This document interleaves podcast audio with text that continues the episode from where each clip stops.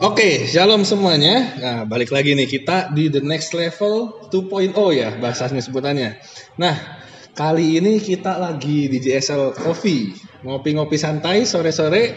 Eh, ini hari adalah hari Rabu, Rabu Selasa. Ini hari adalah hari Selasa eh, jam 6 sore dan kita lagi ngumpul sama-sama dan kita akan bahas sebuah topik yang menarik mengenai karunia atau orang biasa bilangnya bisa juga nubuat karunia dan nubuat.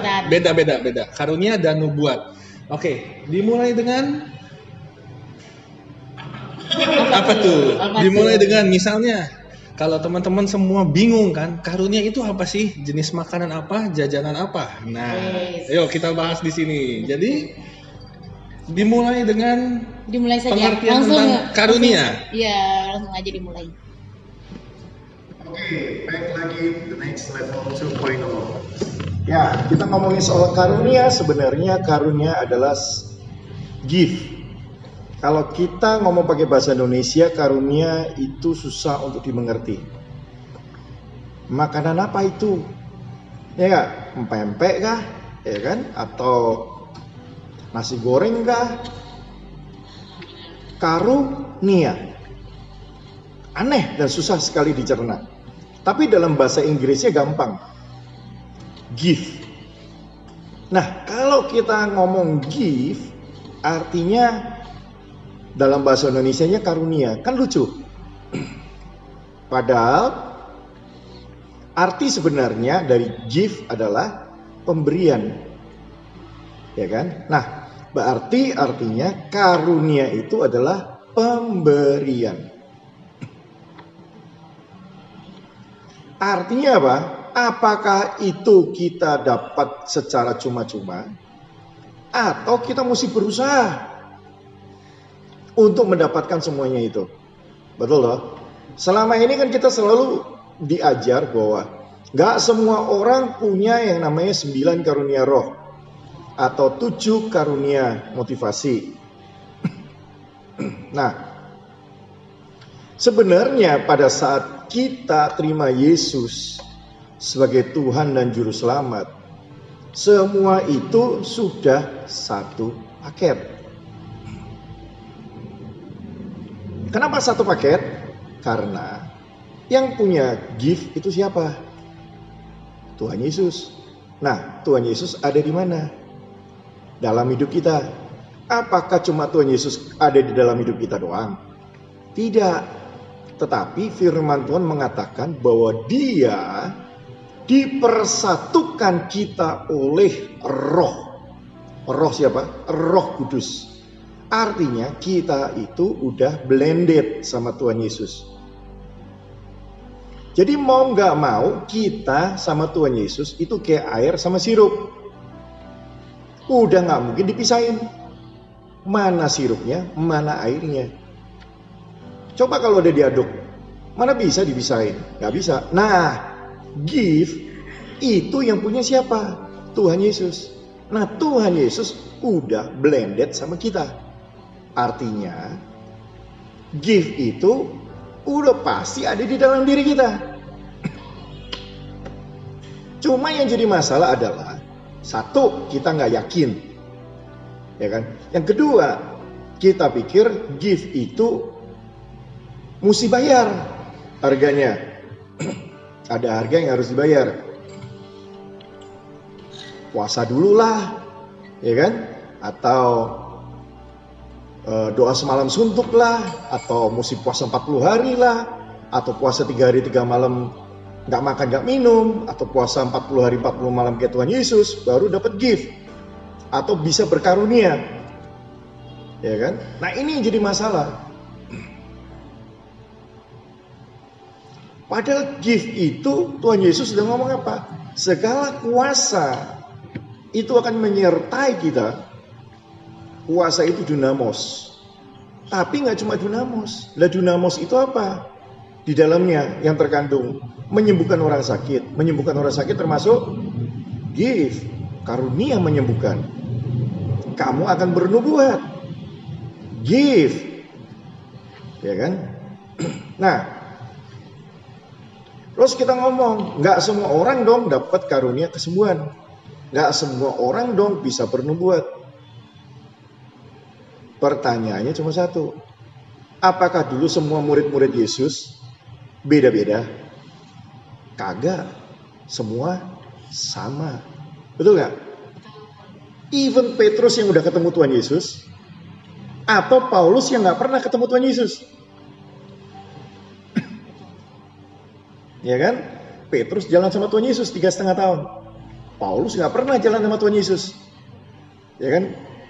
Perjumpaan sama Yesus aja gara-gara ditabok. Iya kan? Sampai jatuh dari kuda. Lo bisa bayangin. Keren banget itu cara perjumpaan. Masa kita semua kayak Paulus mesti ditabok dulu? Ya, kalau kayak sekarang mungkin jatuhnya dari motor kali ya. Kan enak banget gitu loh. Iya, habis gitu loh, enggak. Kan urutannya gitu. Ditabok dulu, habis itu jatuh dari kuda, baru buta. Kan nggak lucu, ya kita ngalami jatuh dari motor, buta dulu, baru penuh karunia. gua sih jujur nggak mau punya bapak kayak begitu gua. ya sadis. Nah, tetapi banyak orang berpikir seperti itu. Bahwa kita harus bersusah payah untuk dapetin karunia. Padahal firman Tuhan katakan apa? Kejarlah nubuatan itu. Artinya setiap orang bisa bernubuat. Kalau dulu nabi. Nah, sekarang pertanyaan cuma satu, kita nih sekarang sama nabi tinggian mana? Nabi zaman dulu loh, bukan nabi zaman sekarang loh. Gua nggak tahu kalau nabi zaman sekarang ya. Gua taunya nabi itu zaman dulu.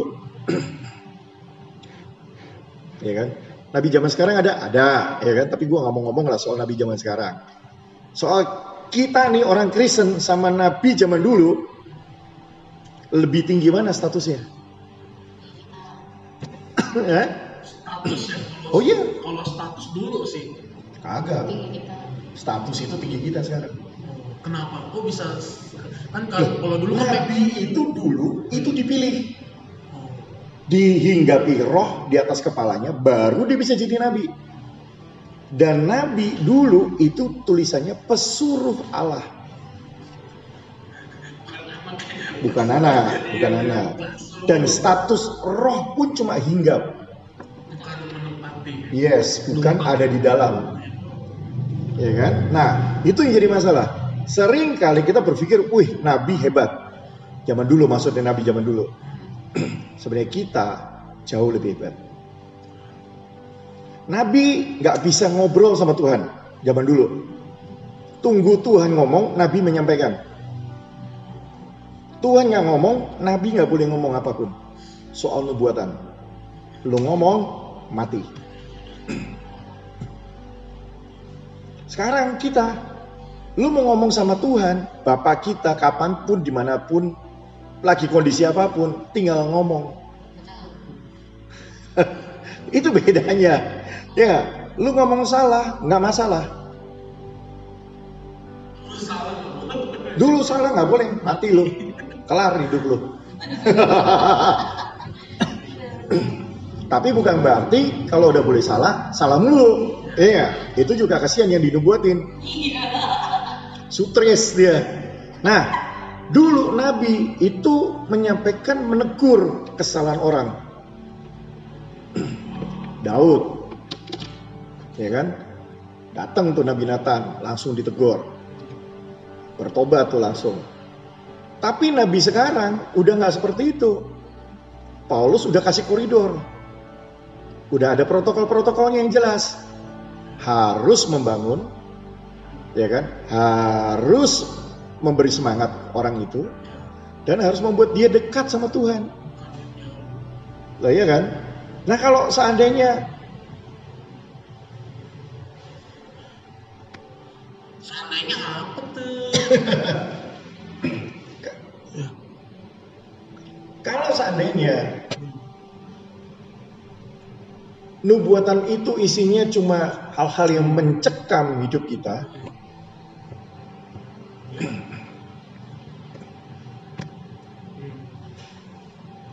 dan isinya dosa masa lalu kita, itu nggak perlu nabi. Kenapa nggak perlu nabi? Lah kita sendiri juga tahu. Lah kalau nabi datang ngomongin masa lalu kita di depan orang, artinya ya kita bongkar borok aib orang. Tapi kalau dulu tuh ya, nah dulu tuh yang kita tahu mereka nih maksudnya mem- mem- memperingatinya tuh maksudnya apa face to face atau ke langsung ngomong gamblang gitu sih kok. Ada beberapa yang face to face, Hmm. ada beberapa yang enggak. Ada yang benar-benar gamblang gitu. ya. Iya. Tetapi kembali lagi kalau kita ngelihat dari para nabi para nabi itu kebanyakan mereka menyampaikan apa yang hendak Tuhan kerjakan di masa depan. Yang untuk menegur itu nggak banyak. Kayak umpamanya nih, kita ngelihat Hizkia aja deh. Gua nggak tahu kalau Hizkia apa namanya nabi yang menyampaikan eh, nubuatan di Hizkia itu kalau nggak salah siapa ya Yesaya kalau nggak salah ya atau siapalah. Gue yakin dia pasti besok diskors atau bahkan mungkin di blacklist dari gereja. Bisa kebayang nggak ketika Nabi itu datang ke Hizkia, dia datang dia ngomong, Hizkia besok lu mati. Ya kan? Dia udah ngomong nih, ya kan? Hizkia lagi sakit tuh pada saat itu. raja nih, statusnya raja nih. Sama kayak kita ngomong sama presiden coba lu, ya nggak? ya kan? Ade, besok lu mati. Lu ngomong gitu aja udah langsung dipenggal. ya, ya kan? Nah, yang jadi masalah adalah abis itu Hizkia nangis. Dia ngadep tembok, nangis. Setelah itu, ya kan, nabinya keluar dong. Udah selesai dia menyampaikan apa yang dia mesti sampaikan. Keluarlah dia dari kamarnya raja. Baru nyampe halaman. Tuhan tergerak oleh belas kasihan karena Hizkia nangis. Ya kan? Nah, begitu Tuhan tergerak. Tuhan ngomong lagi sama nabinya ini. Lu balik lagi ngomong, gue perpanjang nyawanya 15 tahun. Pertanyaan gue nih kalau sekarang, berani nggak lu ngomong kayak gitu? Abis ngomong lu mati, besok tiba-tiba Tuhan barusan ngomong lagi, gue perpanjang 15 tahun lagi.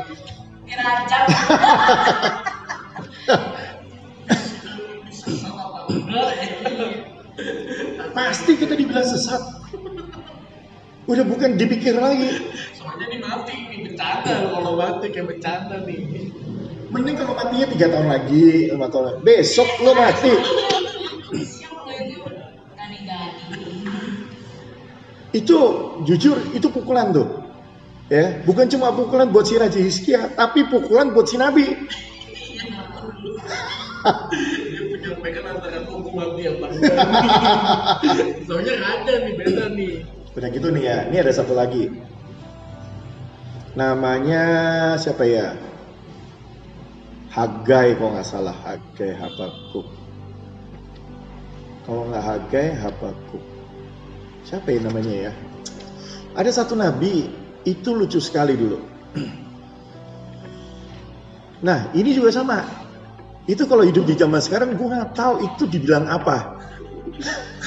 belum belum ngomong udah ketawa duluan ya. Tiba-tiba Tuhan ngomong gini sama Nabi ini. Kamu ambil satu orang ini perempuan, kamu kawinin.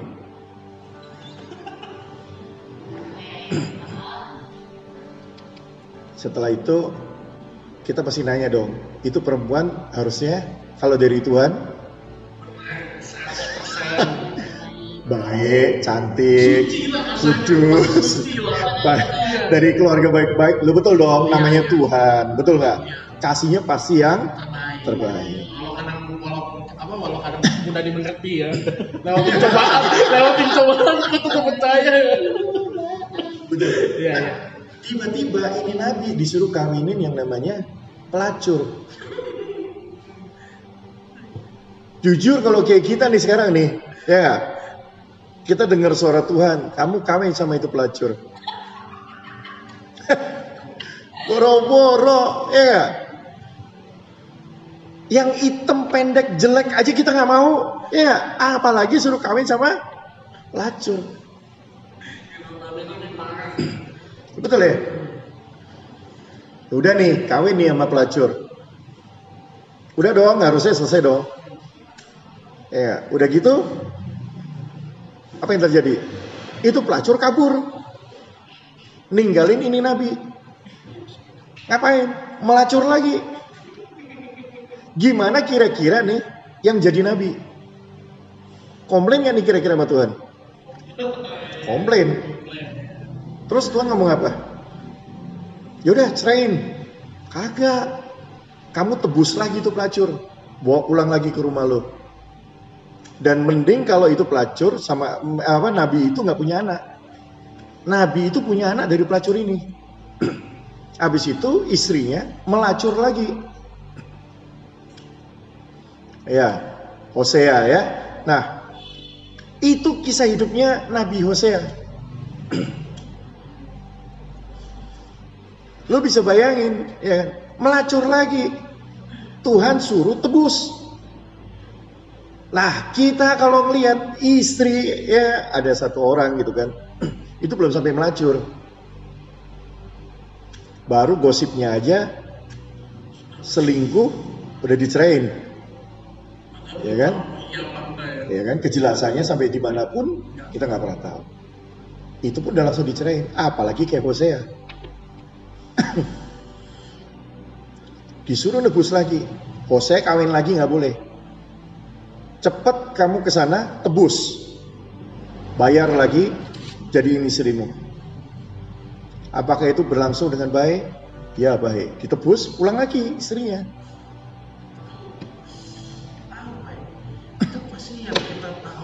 Di Hosea pun itu adalah perjanjian lama. Perjanjian lama aja kan boleh kan yang kita tahu kan kasarnya kan. Bukan cuma boleh, tapi jadi masalah ketika kamu ketahuan main sama pelacur, kamu juga di, dirajam batu. Iya, tapi disuruh tebus Tapi lu disuruh tebus. itu tanda tanya yang besar. Lah kasarnya apa? Kasarnya Ya ilah, Nabi main sama pelacur, lu gila aja sih, jujur aja. Lah, kalau kita ngeliat teman kita aja baru di tempat Pelacur. Ya, ya, ya. Kita lewat aja, baru mampir sebentar nih. Kita pikir mau penginjilan di situ. Itu aja nama lu aja udah dicap jelek banget gitu kan. Baru mampir mau rencana penginjilan. Itu aja udah di blacklist. Gimana kalau kita kawinin pelacur? Nah, kalau cuma kawin sama pelacur, kemudian pelacur bertobat, oh itu mujizat. Ya dong, itu luar biasa. Itu semua semua pasti tepuk tangan. Nggak cuma gereja tepuk tangan, malaikat pun semua tepuk tangan. Tapi kalau udah dikawinin sama nabi pula, melacur lagi. Kita pasti udah pasti akan ngomong apa? Ini nabi pasti punya masalah. Pasti punya dosa yang tidak diselesaikan. Terus kemudian disuruh nebus lagi. Balik lagi. Nggak lama, melacur lagi. Gimana kira-kira? Ini kita kita kita kita belum ngomongin soal nubuatan nih ya. Kita baru ngomongin soal nabi zaman dulu itu kayak gitu.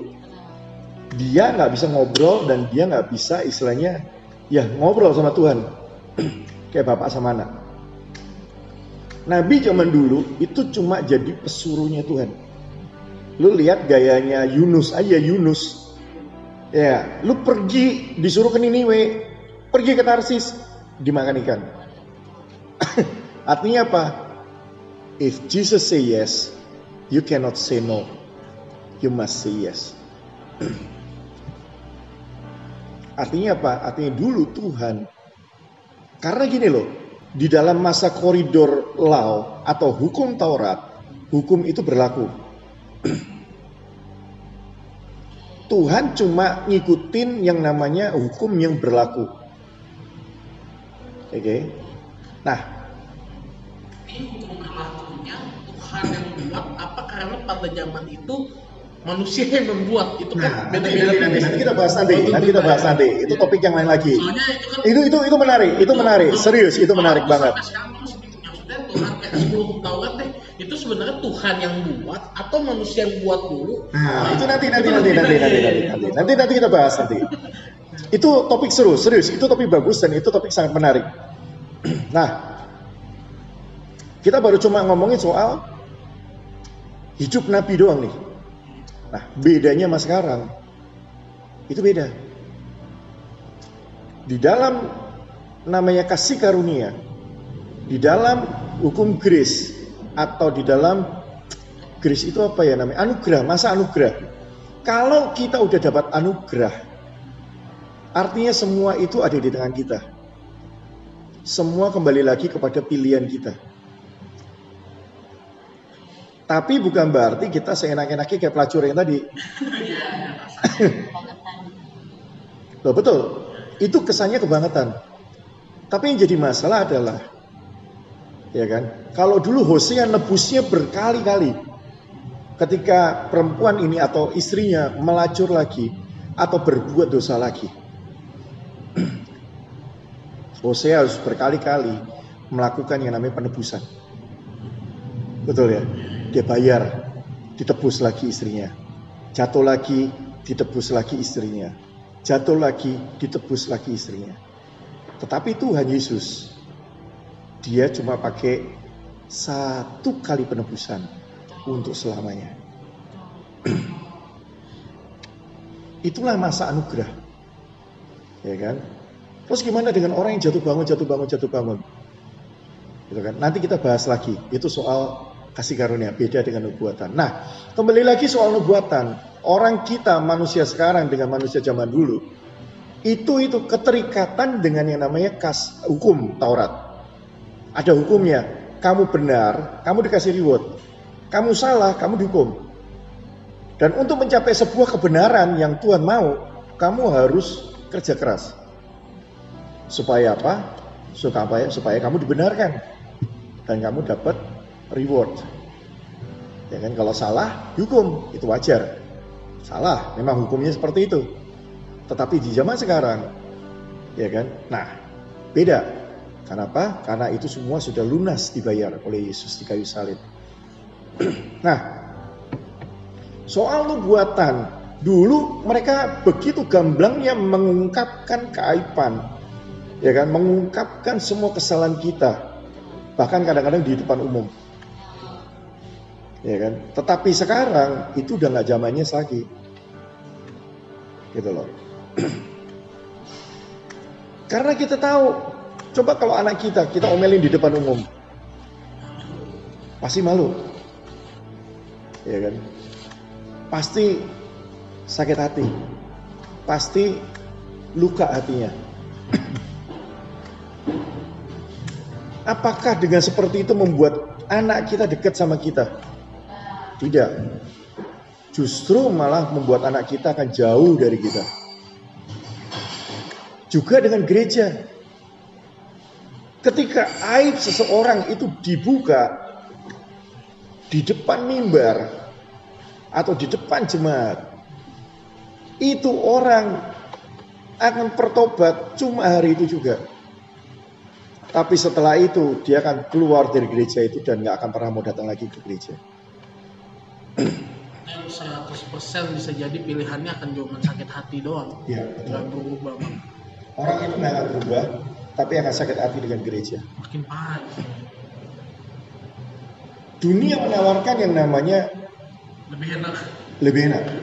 Tidak ada penghakiman di antara kita. iya ya sama-sama salah ya sama-sama Iya. salah itu mereka itu. akhirnya hidup dengan orang-orang yang salah. Karena apa? Karena mereka sama-sama tidak pernah saling menghakimi. Orang di diskotik tidak ada yang menghakimi orang di diskotik. Ya, ngapain diskotik? Nggak ada. malah malah malah berteman gitu Betul. Nah, terus apakah kita membiarkan orang berbuat salah? Tidak. Ingat sekali lagi bahwa Tuhan itu benci dosa. Tapi Tuhan tidak benci manusianya. dulu nih itu panjang nih soalnya kita lagi dari topik nih panjang Iya, nah. Maka dari itu nubuatan. Nah, kalau itu kan tentang masa lalu. Ya kan, itu namanya word of knowledge atau kata-kata pengetahuan. Nanti kita akan bahas lain-lain. Nah, Nubuatan itu juga sama. Nubuatan itu nggak ada mengandung kutuk. Nubuatan itu juga tidak mengandung yang namanya aib.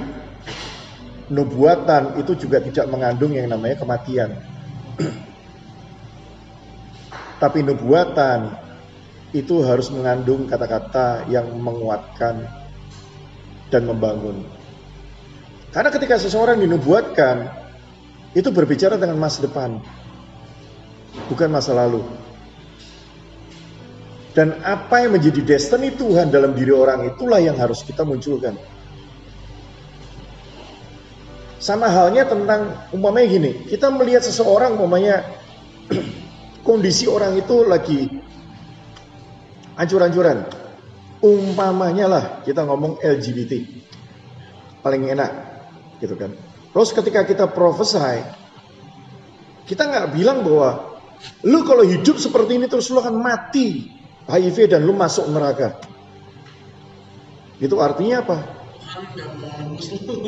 Bukan soal itunya, tetapi itu artinya kita mulai condemn, menghakimi judgment. Nah, iya, karena penghakiman adalah haknya Tuhan. Iya iya iya. Prophesy itu nggak seperti itu. Ketika kita tahu dia LGBT, kita mesti harus tanya dan lihat grand design Tuhan dalam diri orang ini apa. Yes. Karena desain Tuhan terhadap orang ini bukan dia untuk LGBT. Tapi kita harus tanya Tuhan, Tuhan mau orang ini apa? Jadi apa? Itu yang harus kita munculkan dalam diri orang itu. Dan kita harus ingatkan kembali bahwa desain Tuhan dalam diri kamu itu bukan untuk kamu jadi LGBT.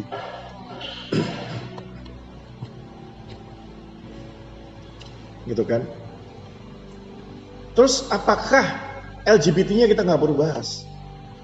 Ketika dia kita ingatkan tentang tujuan Tuhan dalam hidupnya, grand design Tuhan dalam hidupnya, seharusnya dia akan kembali sama yang menggrand design itu, yang punya grand design itu. Terus pasti ada yang nanya, terus kalau dia nggak kembali lagi, ah itu pilihan hidup. Kita nggak bisa paksa. Free will. Yes. Nah, maka dari itu, ya kan, ketika kita bernubuat sesuatu untuk masa depan orang lain, ya kan, kita harus tanya Tuhan, grand design Tuhan dalam diri orang ini apa? Bukan sampahnya, bukan keburukan yang dilakukan sekarang, tapi kita harus lihat dari kacamata Tuhan dalam diri dia, yang ke depan apa? Lima tahun lagi Tuhan mau bikin apa? Sepuluh tahun lagi Tuhan mau bikin apa? Lima puluh tahun lagi Tuhan mau bikin apa terhadap orang ini? Tapi kalau kita caci terus, kita maki terus soal LGBT-nya dia, dia tambah rusak. Orang rusak bilangnya masih ada dosa yang belum diselesaikan. Mending cuma ada dosa. Keluar aja dari gereja. Pertanyaan cuma satu, gereja adalah kumpulan orang Berdosa. berdosa. Tapi ketika ngeliat orang lain berdosa, kita buang. Betul ya? Ini yang jadi masalah akhir zaman. Terus kalau seandainya gereja terima orang LGBT terus dibilang kita toleransi sama mereka.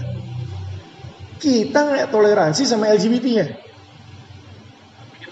Kita sayang sama orangnya. Jangan sampai orang ini rusak karena pengaruh LGBT. The spirit of LGBT. Maka dari itu itulah nubuatan. Ketika orang itu mulai ngerti tujuan ilahi dalam dirinya. Oh ternyata Tuhan itu baik. Ternyata itu Tuhan punya desain buat gua itu begini bakalan. Wow. Saya pernah punya teman beberapa. Mereka dulu juga sama. Ada satu orang LGBT juga. Gitu loh. Sekarang dipakai Tuhan luar biasa. Gitu kan. Even yang namanya siapa dulu ya kalau nggak salah orang Robert kalau nggak salah atau siapa ya dulu ya. Ah, Robert Liarden. salah satu jenderal Tuhan. Oh, dulu juga, weh sakti lah itulah. Ya kan, itu nabiah juga. Jatuh.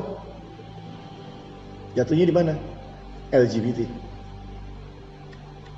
Wow, semua orang tuding dia. Gitu kan.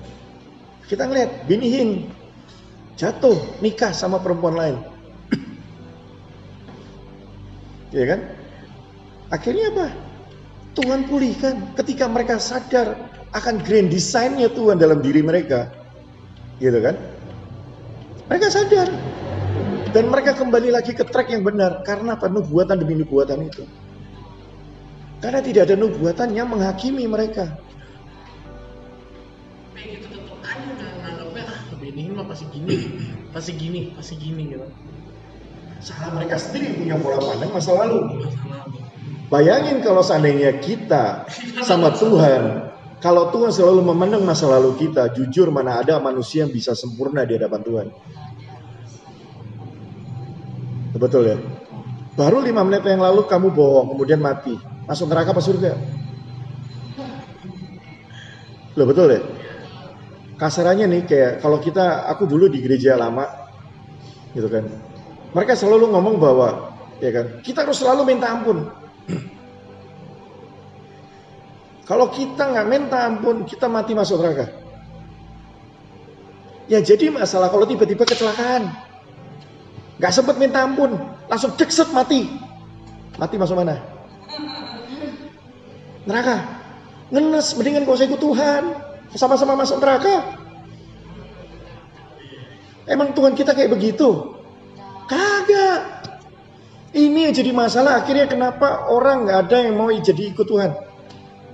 Karena mereka pikir bahwa Tuhan itu bengis, Tuhan itu kejam. Tuhan itu nggak punya hati. Dunia menawarkan lebih indah. Dunia menawarkan lebih indah. Sama-sama masuk neraka. Ngapain kita jadi Kristen?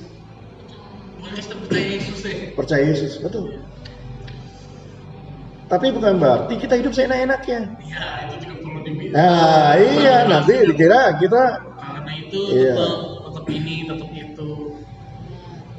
Jadi kita mesti ngerti nubuatan itu harus membangun dan membuat orang itu dikuatkan.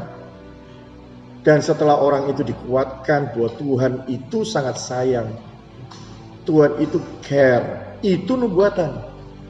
Dan menyampaikan grand design Tuhan dalam diri orang itu. Masa depan orang itu. Ya kan? dan kemudian membawa orang tersebut mendekat kepada Tuhan, bukan menjauh atau malah takut ketemu kita atau ketemu Tuhan. Terkadang ada orang yang takut ketemu kita. Kenapa? Karena takut aibnya dibuka. Lah emang kita setan, gitu kan? Yang selalu cuma kerjanya menuduh, menuduh, menghakimi, ya kan? Mencuri damai sejahtera, gitu kan. Nah ini jadi masalah problem masa kini sekarang. Ya kan? Kita tahu bahwa teman kita juga sekarang juga sama kan ngalami hal yang sama. takut ke gereja, ya kan? Karena takut dihakimi, takut dosa masa lalu dia diungkit- diungkit-ungkit lagi, ya kan? Padahal Tuhan udah ngomong di kitab Mazmur, Daud aja udah nulis, itu Daud loh yang masih hidup di dalam laut, ya kan? Itu pun dia masih bisa nyanyi, ya nggak? Nyanyinya kita sering nyanyiin. Sejauh timur dari barat, engkau membuang dosaku. Nah, habis gitu nih, jangan kepahitan gitu. ya kan? Tapi nggak apa itu tapi kalau kita mikir itu kayak lucu aja kok ada ya kayak gini ya. Nah, gitu ya. belum ayat lanjutannya. Tak kau ingat lagi pelanggaranku kecuali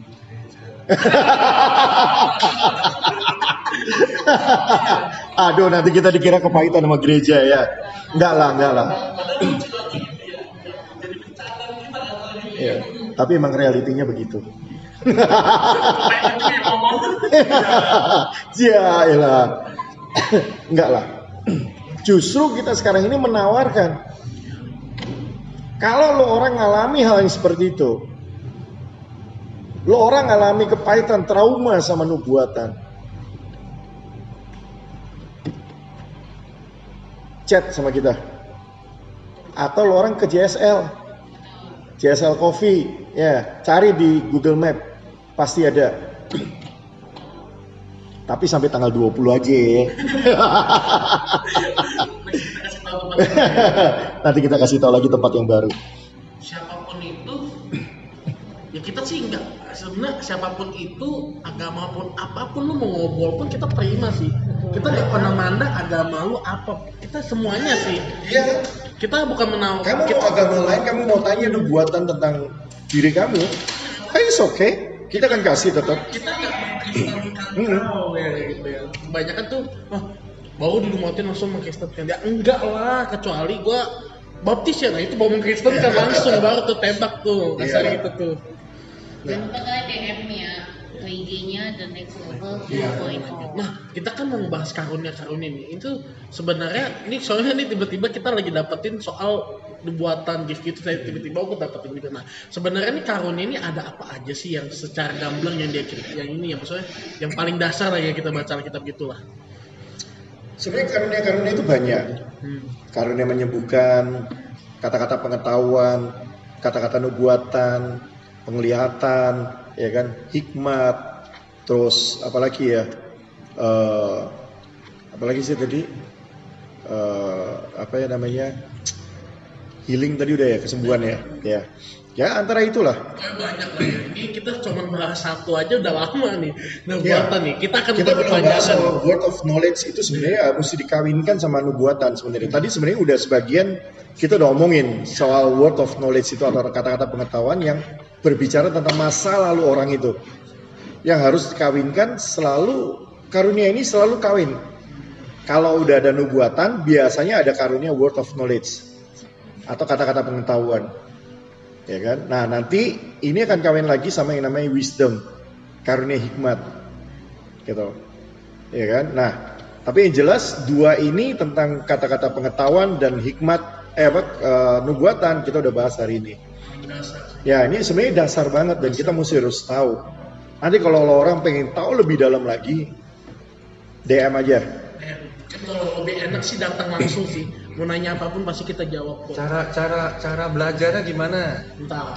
nah Episode selanjutnya. episode selanjutnya Tapi kalau apa ya, kalau kita atau ya kita sih bukannya karena kita maksudnya rohani atau gimana, tapi ntar kamu coba gini deh, kamu tuh dia salah apa nih? Tapi jangan fokusnya di salahnya mulu. Tapi pasti ada kebaikan yang nggak pernah kita tahu gitu ya. Eh, itu secara secara teori. Nanti kita bakalan praktek. Tapi ingat ya, sekali lagi kalian harus eh, datang nih. Karena kalau misalnya ketemu langsung kan lebih enak ngomongnya gitu loh. Tenang nih kalau nggak ada duit, ntar laupan saya beli kopi. laupan saya beli kopi, jangan jangan jangan lah nanti kalau datang 100 orang lopan gue juga pusing ya. Iya, iya. Gitu kayak maksudnya pembahasan yang tadi tuh coba coba lihat di kemarin-kemarin deh lihat emasnya orang. Coba deh Yes, kamu benar. belajar, kamu kita kita paling gini, ah kalau teori enggak kita nggak teori malah kita sudah mempraktekkan gitu. Bahkan kita sendiri ya. Yang kita sendiri, ya. Tadinya seperti itu Iya. bisa berubah. Iya nih nih kesaksian contoh ini nggak jelas ya. Contoh pasti kalian tahu lah yang kasusnya Eric Collins sama Listi. Gue tuh kasihan sama listinya justru karena ya maksudnya ya mungkin dia salah gitu tapi kasihan aja ngerti gak sih? Ini hal paling simpel dan gak jelas ngerti gak sih? Tapi kok tiba-tiba gue kasihan sama dia gitu ngerti gak sih?